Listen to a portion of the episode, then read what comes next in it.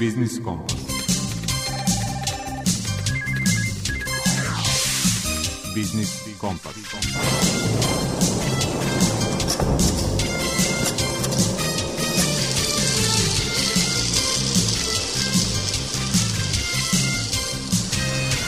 Pred mikrofonom je Đuro Vukilić. Dobar dan poštovani slušalci. Ponovo smo posle dvomesečne letnje pauze uz Biznis Kompas. Mnogo toga se događalo tokom leta, ponajviše u monetarnoj oblasti. Inflacija se naime pokazala kao tvrdorah. Usporena je, ali ne i zaustavljena. Ali i da se vratimo ukratko sadržaju današnje emisije. U rubrici Aktuelno koleginica Branka Dragović-Savić će se osvrnuti na Generalnu skupštinu Centralnoevropske asocijacije sajmova CEFA, održanu krajem prethodne nedelje na Novosadskom sajmu. Gost autor rubrike iz mog ugla je urednica portala Energija Balkana Jelica Putniković, koja govori o cenama energenata i snabdevenosti tržišta. U rubrici Svet preduzetništva rukovodilac projekata u regionalnoj razvojnoj agenciji Bačka Marija Prokopić predstavlja program mentoringa, usluge kojom se pomaže preduzetnicima da prebrode poslovne izazove. Narodna banka Srbije je ovih dana upozorila na pokušaje prevara na društvenim mrežama.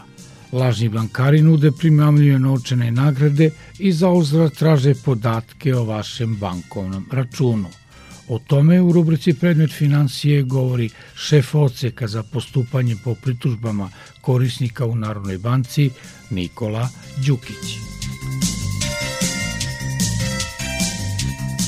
Uporna poskupljenja posebno osnovnih životnih namirnica iznova su proteklih sedmica potegla pitanje trgovinskih marži.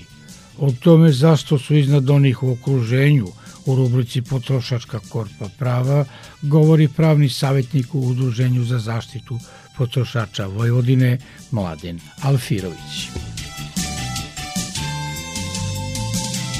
Toliko izboru tema poslušajmo i izbor našeg muzičkog urednika Zorana Gajinova.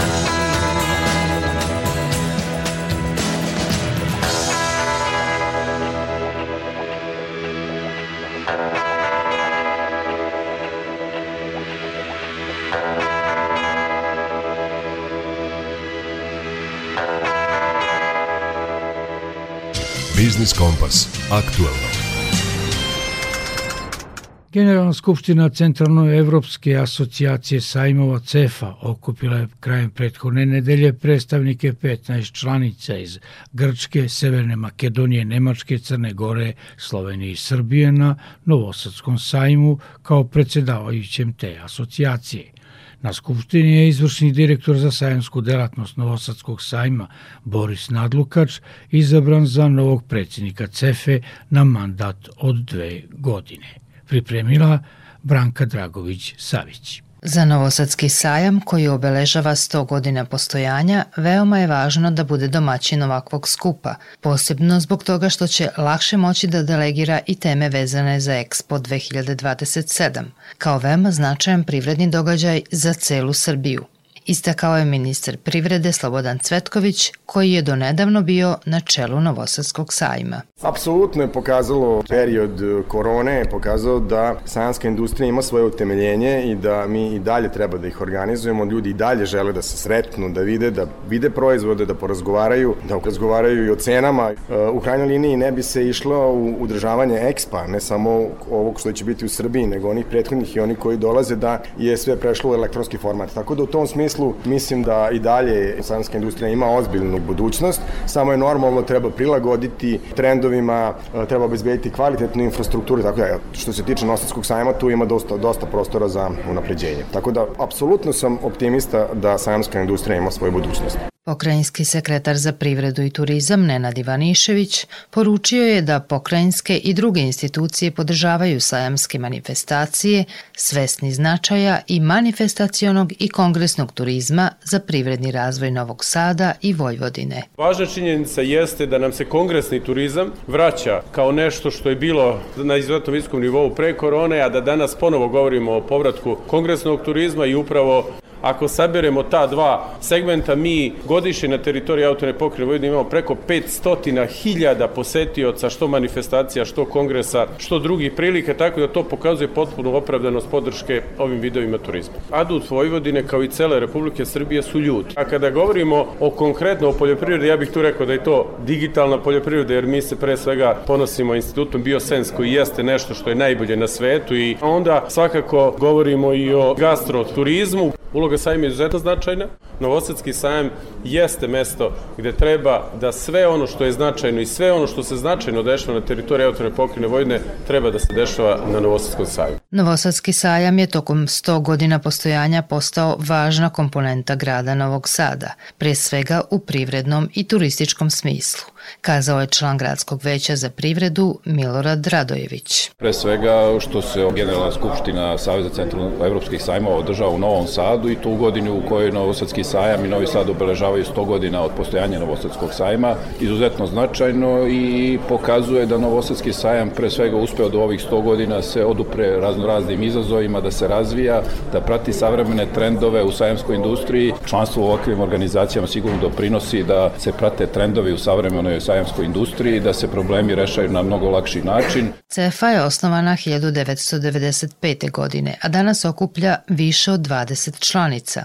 Centralnoevropskoj asocijaciji sajmova Novosadski sajam je pristupio u martu 2001. godine. Zajednički cilj je promocija sajamske delatnosti i ekonomskog potencijala ovog dela Evrope.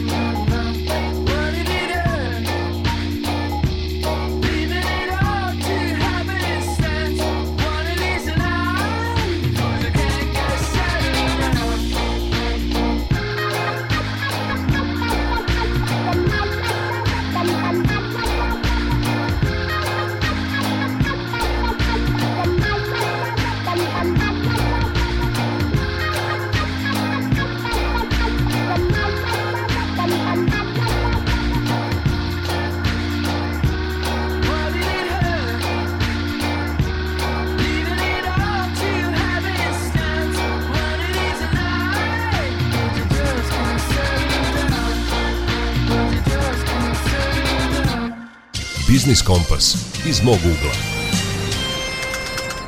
Od početka ovog meseca povećane su akcize na naftne derivate, poskupljuju i poskupiće gas i električna energija.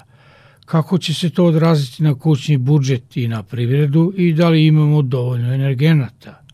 O tome u rubrici iz mog ugla govori urednica portala Energija Balkana Jelica Putniković. Evidentno je da smo prethodnu zimu čekali neizvesno jer je energetska kriza nekako bila tek e, u početku, svi su se plašili i prognoze su bile dosta crne i to što je ta prethodna zima bila blaga zapravo je pomoglo da ne bude problema ni sa nestašicom energenata ni sa time da se građani, mislim pre svega na Srbiju, nalaze u hladnim kućama i stanovima. Slična je situacija bila i u Evropi, ali je prethodna hladna zima i Evropljane i nas naterala da počnemo da štedimo i kad pričamo sada o samoj potrošnji energenata u domaćinstvima, imali smo akciju vlade Srbije i elektroprivrede Srbije da je onima koji uštede u odnosu na iste mesece prethodne godine e, smanjivan račun za električnu energiju. Od tada smo imali nekoliko poskupljenja i električne energije i prirodnog gasa, zapravo naredna sleduju 1. novembra, gas će poskupeti 10%, električna energija 8% i to će svakako uvećati račune za struju, ali država je opet naložila EPS-u da onima koji smanje potrošnju u odnosu na isti mesec, ne samo 22. nego i 21. godine, da smanje račune čak i do 40%, a ono što je zanimljivo, EPS će motivisati potrošače koji prebace svoju potrošnju u noćni period, znači u vreme inače jeftinije tarife za one koji imaju dvotarifno brojilo, njima će biti takođe smanjeni računi. Kad pričamo o drugim energentima, treba reći da je pelet u odnosu na prošlu zimu pojeftinio, jednostavno i građani su tokom celog leta, ja mislim od proleća pa sve do sada kupovali pelet praveći rezervu za nastupajuću grejnu sezonu. Ogrevno drvo i ugalj e, jesu možda poskupeli u zavisnosti gde ko kupuje, ali to su neki energenti kojih ima na stovarištima, mislim da sa njima neće biti problema, a ono što brine ljude koji se greju iz sistema daljinskog grejanja, to su najavljene ili već odobrene nove cene grejanja i tu se mora reći da je prirodni gas poskupeo za potrošače iz kategorije domaćinstva ali i nove su cene za gradske toplane, tako da imamo zapravo opet jedan možda poziv na štednju, jer e, sada će sa sve izraženijom ekonomskom cenom daljinskog grejanja biti jasno građanima da ona koncepcija da se grejanje plaća po utrošku ima smisla, jer do sada dok su nekako važile socijalne cene daljinskog grejanja, ljudi nisu imali interes da se prebacuju na grejanje po utrošku. Treba reći da je Srbija ove godine e, se kao i pred e, prošlu zimsku grejnu sezonu pripremila sa rezervama prirodnog gasa, znači napunjeno je skladište u Banatskom dvoru i zakupljeni kapaciteti u skladištima u Mađarskoj, s tim što je Srbija ove godine zakupila i dodatne kapacitete, tako da što se tiče prirodnog gasa, čak i ako dođe do nekih problema u transportu, to bi značilo problemi ako se ponovi situacija sa turskim tokom koja se desila pred e, prošlu zimu sa severnim tokom 1 i 2 kada su e, minirana i ti cevovodi, e, znači Srbija bi imala dovoljno gasa u rezervi i za široku potrošnju za gradske toplane bolnice i onu industriju koja je ključna za funkcionisanje svake države. Naravno, treba se nadati da do toga neće doći. Bilo je i upozorenja, ali i izjava zva rečnika i Rusije i Bugarske i Mađarske i Srbije da se veoma pazi na to da ne dođe do nekih namernih havarija na ovom gasovodu, a ono što je dobra stvar je da ovog meseca treba da bude završena gasna konekcija sa Bugarskom, znači mi ćemo dobiti još jedan pravac snabdevanja prirodnim gasom i sada je samo potrebno da se konačno ispregovara do kraja snabdevanje kolikim tolikim količinama gasa iz Azerbejdžana i da u Grčkoj bude završen LNG terminal Aleksandropolis gde bismo takođe mogli da nabavljamo prirodni gas i da ga kroz Grčku i Bugarsku transportujemo u Srbiju i da bude dodatna količina obezbeđena da ima za kompletnu potrošnju. Možda bi još mogla da navedem oko, oko gasa. Od 1. oktobra ove godine e, povećane su i akcize na naftne derivate. To se još ne osjeća na benzinskim pumpama jer se od e, nedelje primenjuje u veleprodajnim cenama naftnih derivata, tako da će tek e, kada država odredi najviše maloprodajne cene za benzin i dizel krajem ove nedelje, vidjet ćemo koliko će to zapravo uticati na cene na pumpama. Ono što je sigurno da osim akcize na te cene će uticati cena sirove naftne, odnosno derivata na mediteranskoj berzi, a za očekivati je da nafta neće poskupljivati na više od 100 dolara po barelu, pa ćemo videti kako će se to odraziti na naše tržište. Svakako je evidentno da e, Srbija ima kao država velika zahvatanja kroz poreze i akcize i druge takse u maloprodajnim cenama derivata i to je ono što svakako poskupljuje gorivo. Međutim, odluka države da akcizama, ne samo na naftne derivate, već i na ostalu akciznu robu, znači i cigarete i alkohol i kafu, jednostavno puni budžet, ne treba da čudi jer to rade i druge države, a verovatno će država ili pratiti da li će biti pada prometa, pa će možda doneti odluku da se odrekne bar akciza na naftne derivate, jer je izvesno da će tu doći do poskupljenja i nekih proizvoda, zato što cena transporta svakako utiče i na maloprodajne cene prehrambenih proizvoda i robe široke potrošnje.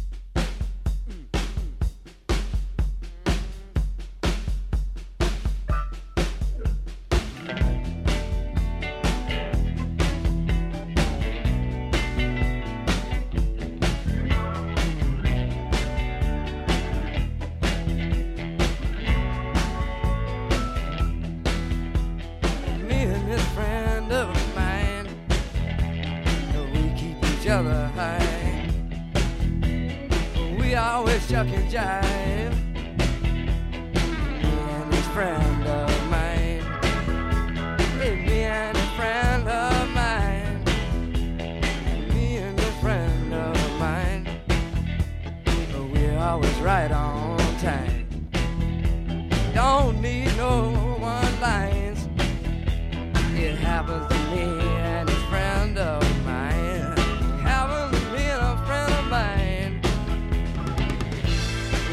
Starting to feel love all over again. It's me and my lover, a real good friend. Yeah, me and this friend of mine uh, are bound under the same sign. If one word could justify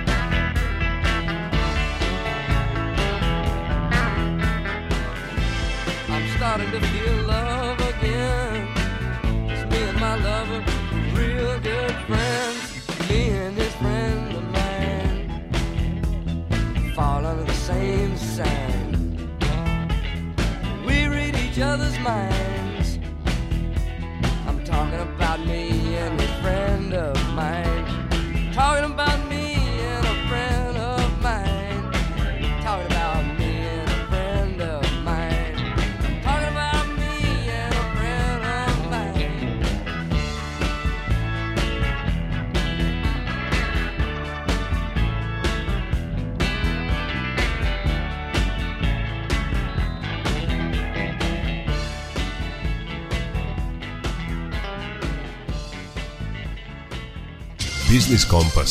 Svet preduzetništva.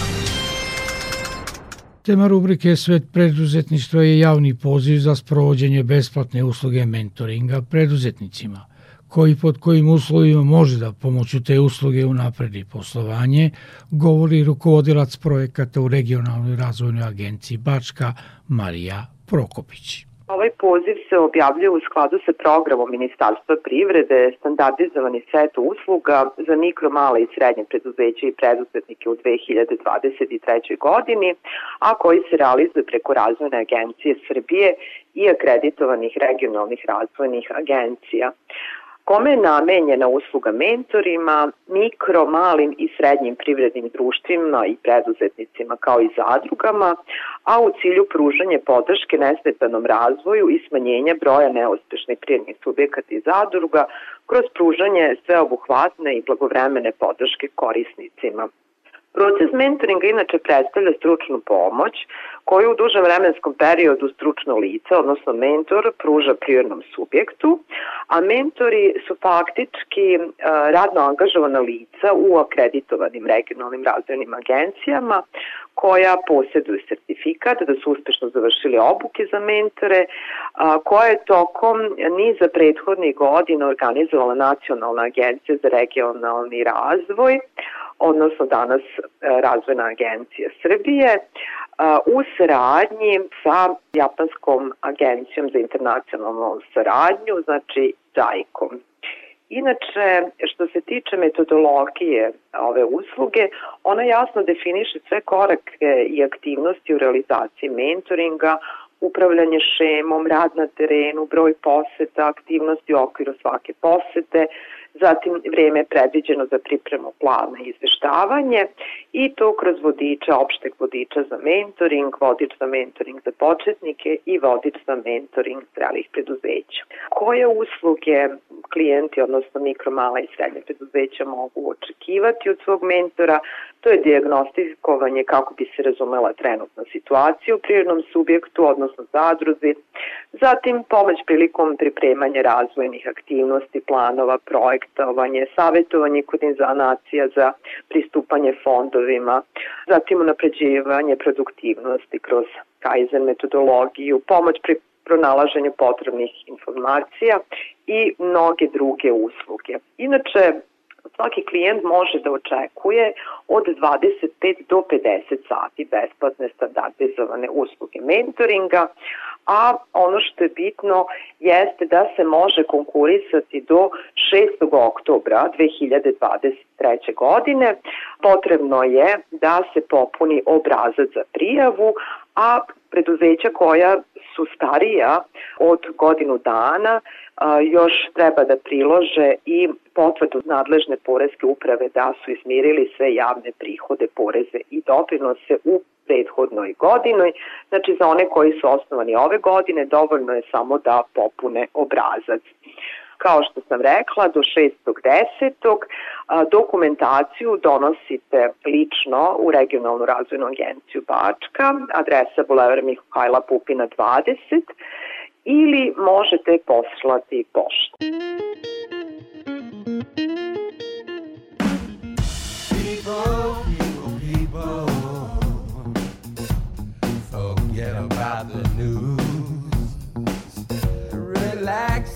Come together. It's what we all need to do. I see the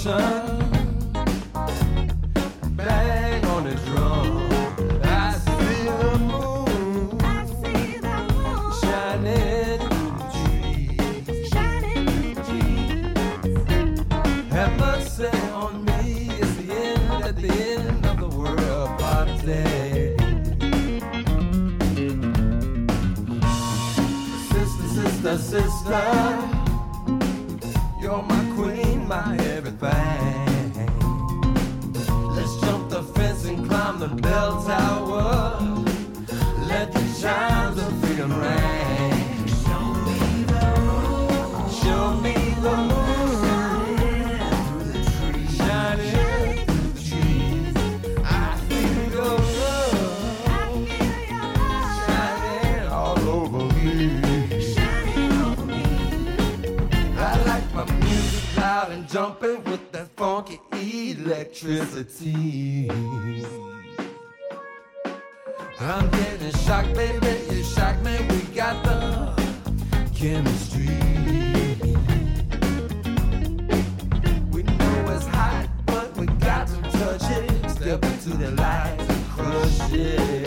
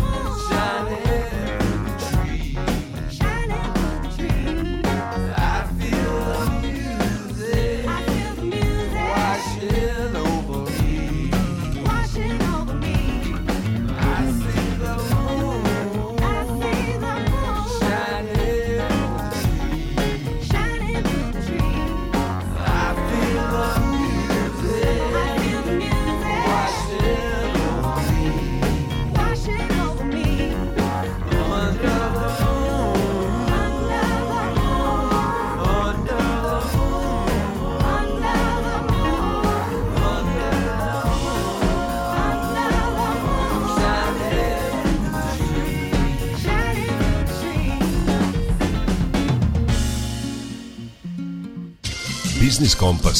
Predmet financije. Još jedna u nizu finansijskih prevara. Ovih dana na društvenim mrežama kruže lažne ankete kojima tobožnje banke nude novčane nagrade građanima koji im ustupe bankovne podatke.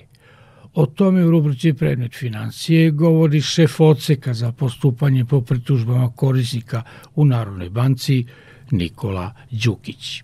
za postupanje po pritužbama korisnika. Narodna banka Srbije u prethodnom periodu uočila e, veliki broj pritužbi koji se odnosi na zloupotrebu njihovih računa preko aplikacije mobilnog elektronskog bankarstva, a koji su uzrokovani lažnim anketama banaka. Dakle, mi prosto želimo da upozorimo građane na učestalu pojavu ovih anketa na društvenim mrežama Instagram i Facebook, gde se u putem anketa koristima nudi nagrada u različitim iznosima, da li 15.000 dinara i 30.000 dinara, ako popune anketu i dostave određene informacije. Važno naglasiti da te ankete nisu ankete banaka, već su zapravo kreirane od kriminalaca i uglašavaju se na lažnim profilima poslovnih banaka, dakle pod lažnim imenom i logom, a njihov pravi cilj je zapravo da se od građana pribave podaci koji će ovim prevarnim licima, kriminalcima, omogućiti pristup računima građana preko aplikacije elektronskog i mobilnog bankarstva. U prethodnih danima smo identifikovali lažne ankete kod kojih se od korisnika traži da dostave četiri poslednja broja kartice, podatke sa korisničkog naloga, uključujući i šifru, kao i da proslade poruke koje sadrže aktivacijne kodove za pristup elektronskom bankarstvu. I nakon što preko ankete dobiju ove podatke, kriminalcima je tako omogućeno da koriste platne instrumente građana, vrše transakcije zapravo, tako da kažemo, malo slobodnije da bukvalno isprazne njihove račune, dakle da koriste njihova sredstva, a građani postaju svesni ove prevere tek kad im stigne poruka o zaduženju tog računa.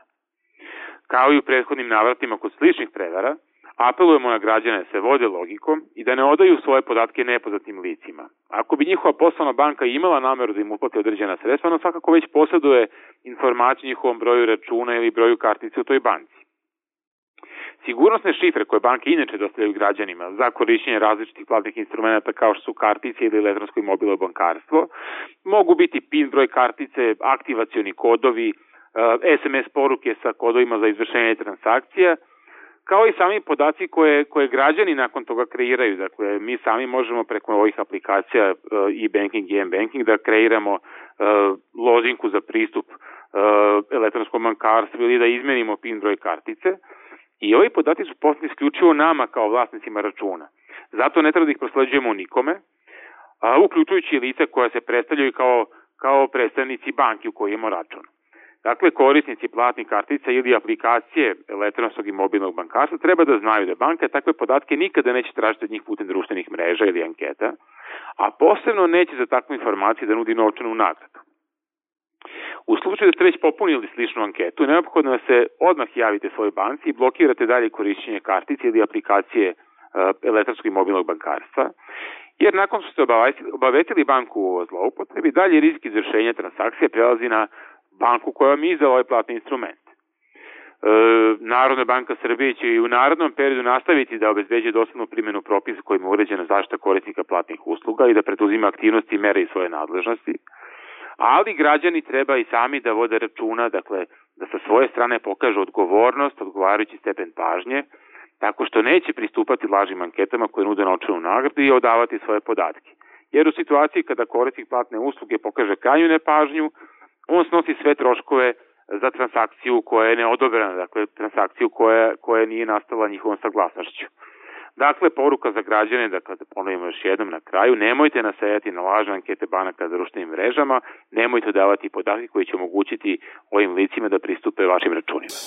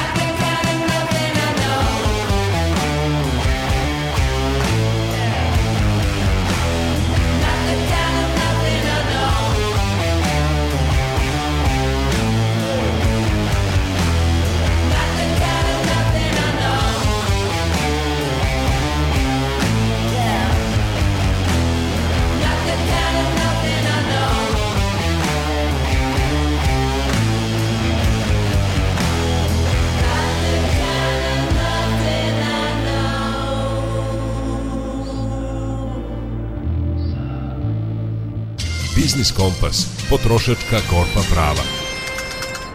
Pravni savjetnik u Udruženju za zaštitu potrošača Vojvodine, Mladen Alfirović, u rubrici Potrošačka korpa prava nudi nam odgovor na pitanje zbog čega su trgovinske marže u Srbiji iznad onih u okruženju. Negde zaključak je da trgovci u Srbiji marže drže u strogoj tajnosti, a to nekako i ne čudi s obzirom da su one prilično visoke i za neke proizvode znatno više u odnosu na region i recimo Evropsku uniju i ono što su svi primetili jeste da naši potrošači iste proizvode neretko plaćaju i duplo više nego komšije iz regiona. Visina marži je zapravo poslovna tajna trgovinskih lanaca i oni zapravo imaju pravo da ih ne otkrivaju, međutim više nego jasno da one nisu, kao što sam rekao, nekim običajnim okvirima kao što su recimo u zemljama e, Evropske unije, gde istini za volju postoji znatno stroža regulativa i mnogo veća konkurencija, pa samim tim je negde i logično očekivati da su trgovačke marže niže. Znači naš e, problem, pored nedostatka konkurencije, jeste i to što trgovci nekako sve svoje troškove prevaljuju preko leđa potrošača. Zbog rasta Euribora kočile su im kamate na kredite, pa recimo ako se uporedi visina cena 2020. i 2022. može se videti da su marže povećane čak za 36%. Dakle, oni sve svoje troškove, pa čak i to što plaćaju više rate za kredite, prevaljuju na potrošače tako što povećavaju marže. Ono što takođe možemo da, da kažemo jeste da se marže Europskoj uniji kreću između 10 i 20% i prema zvaničnim podacima Narodne banke Srbije trgovinske marže za grupe od pet najvećih maloprodajnih lanaca kao što sam rekao su u odnosu na 2000, 2020. godinu bile veće za 36,6% i ta, taj procenat se konstantno povećava. Ono što takođe zabrinjava jeste da se zapravo ne vidi negde kraj ovog trenda, da kako god se povećaju neki troškovi, mi imamo i povećanje cena. Od skoro smo suočeni sa povećanjem cena naftnih derivata i električne energije, što bi svakako trebalo da se odrazi na cene u maloprodaji. Međutim, ako sad izvršimo neku dublju analizu i ako se osvrnemo na prethodni period, mi kao potrošačka organizacija zaista smatramo da više nema prostora za bilo kakvo povećanje cene, a da se to trgovcima ne vrati u smislu znatnog smanjenja prometa, jer će prosto potrošači manje kupovati. Dakle, mislimo da su cene dostigle svoj maksimum i da bi moralo u nekom narednom periodu doći do stabilizacije tržišta i do, ako ne značajnog smanjenja, onda makar stagnacije kad su cene u pitanju. Ono što takođe je poznato u ekonomskim teorijama jeste da visinu marže diktira sam trgovac pod uticajem generalnog stanja na tržištu, ali da one mogu biti potpuno različite u recimo dva trgovinska lanca. Tako da uvek apelujemo na potrošače da sami izaberu gde će nešto kupiti i da prosto prate cene i upoređuju. Takođe postoje neki korisni sajtovi koji se bave uporednim prikazom cena nekih osnovnih životnih namirnica, tako da je svakako poziv i apel potrošačima da pametno obavljaju svoju kupovinu, da prate cene i da kupuju tamo gde je za njih najpovoljnije. Problem marži takođe je potvrdila i guvernerka Narodne banke, pozvala je trgovinske lance na odgovornost i Komisiju za zaštitu konkurencije da napravi analizu rasta marži e, u trgovinama. Dakle, to što je rekla guvernerka, na to mi apelujemo već godinama, da Komisija za zaštitu konkurencije mora ozbiljnije da se uključi u tržišne analize, i generalno nadzor na celokupnim tržištima su to njena ovlašćenja. Mi ne vidimo u proteklih godina da je Komisija zaštitu konkurencije imala bilo koju akciju koja se odnosi na visinu trgovačkih marži u Srbiji, a da ne govorimo eventualno o nekim radnjama koje su zabranjene, a to je neko dogovaranje cena ili zloupotreba dominantnog položaja, jer vi kad uporedite cene u različitim trgovinskim lancima imate utisak kao da su one iste, dakle ne vidimo neke značajnije razlike. Dakle, suština je da bi Komisija za zaštitu konkurencije morala aktivnije da se uključi u, u tržišni nadzor i da naravno u skladu sa zakonom o trgovini, zakonom o zaštiti potrošača inspekcije koje su za to nadležne bolje i efikasnije kontrolišu neke trgovce i sankcionišu neke pojave koje su e, zakonom zabranjene. Dakle, sve to pored E, konkurencije nas može dovesti u situaciju da imamo niže cene u odnosu na prethodni period gde smo zaista rekorderi po cenama nekih osnovnih životnih namirnica.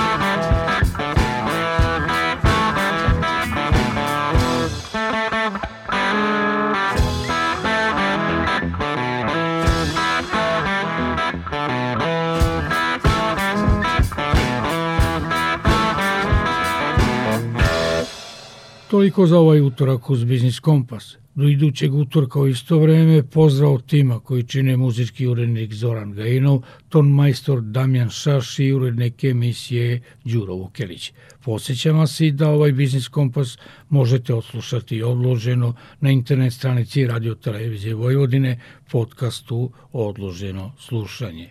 Zdravi bili i čuvajte se.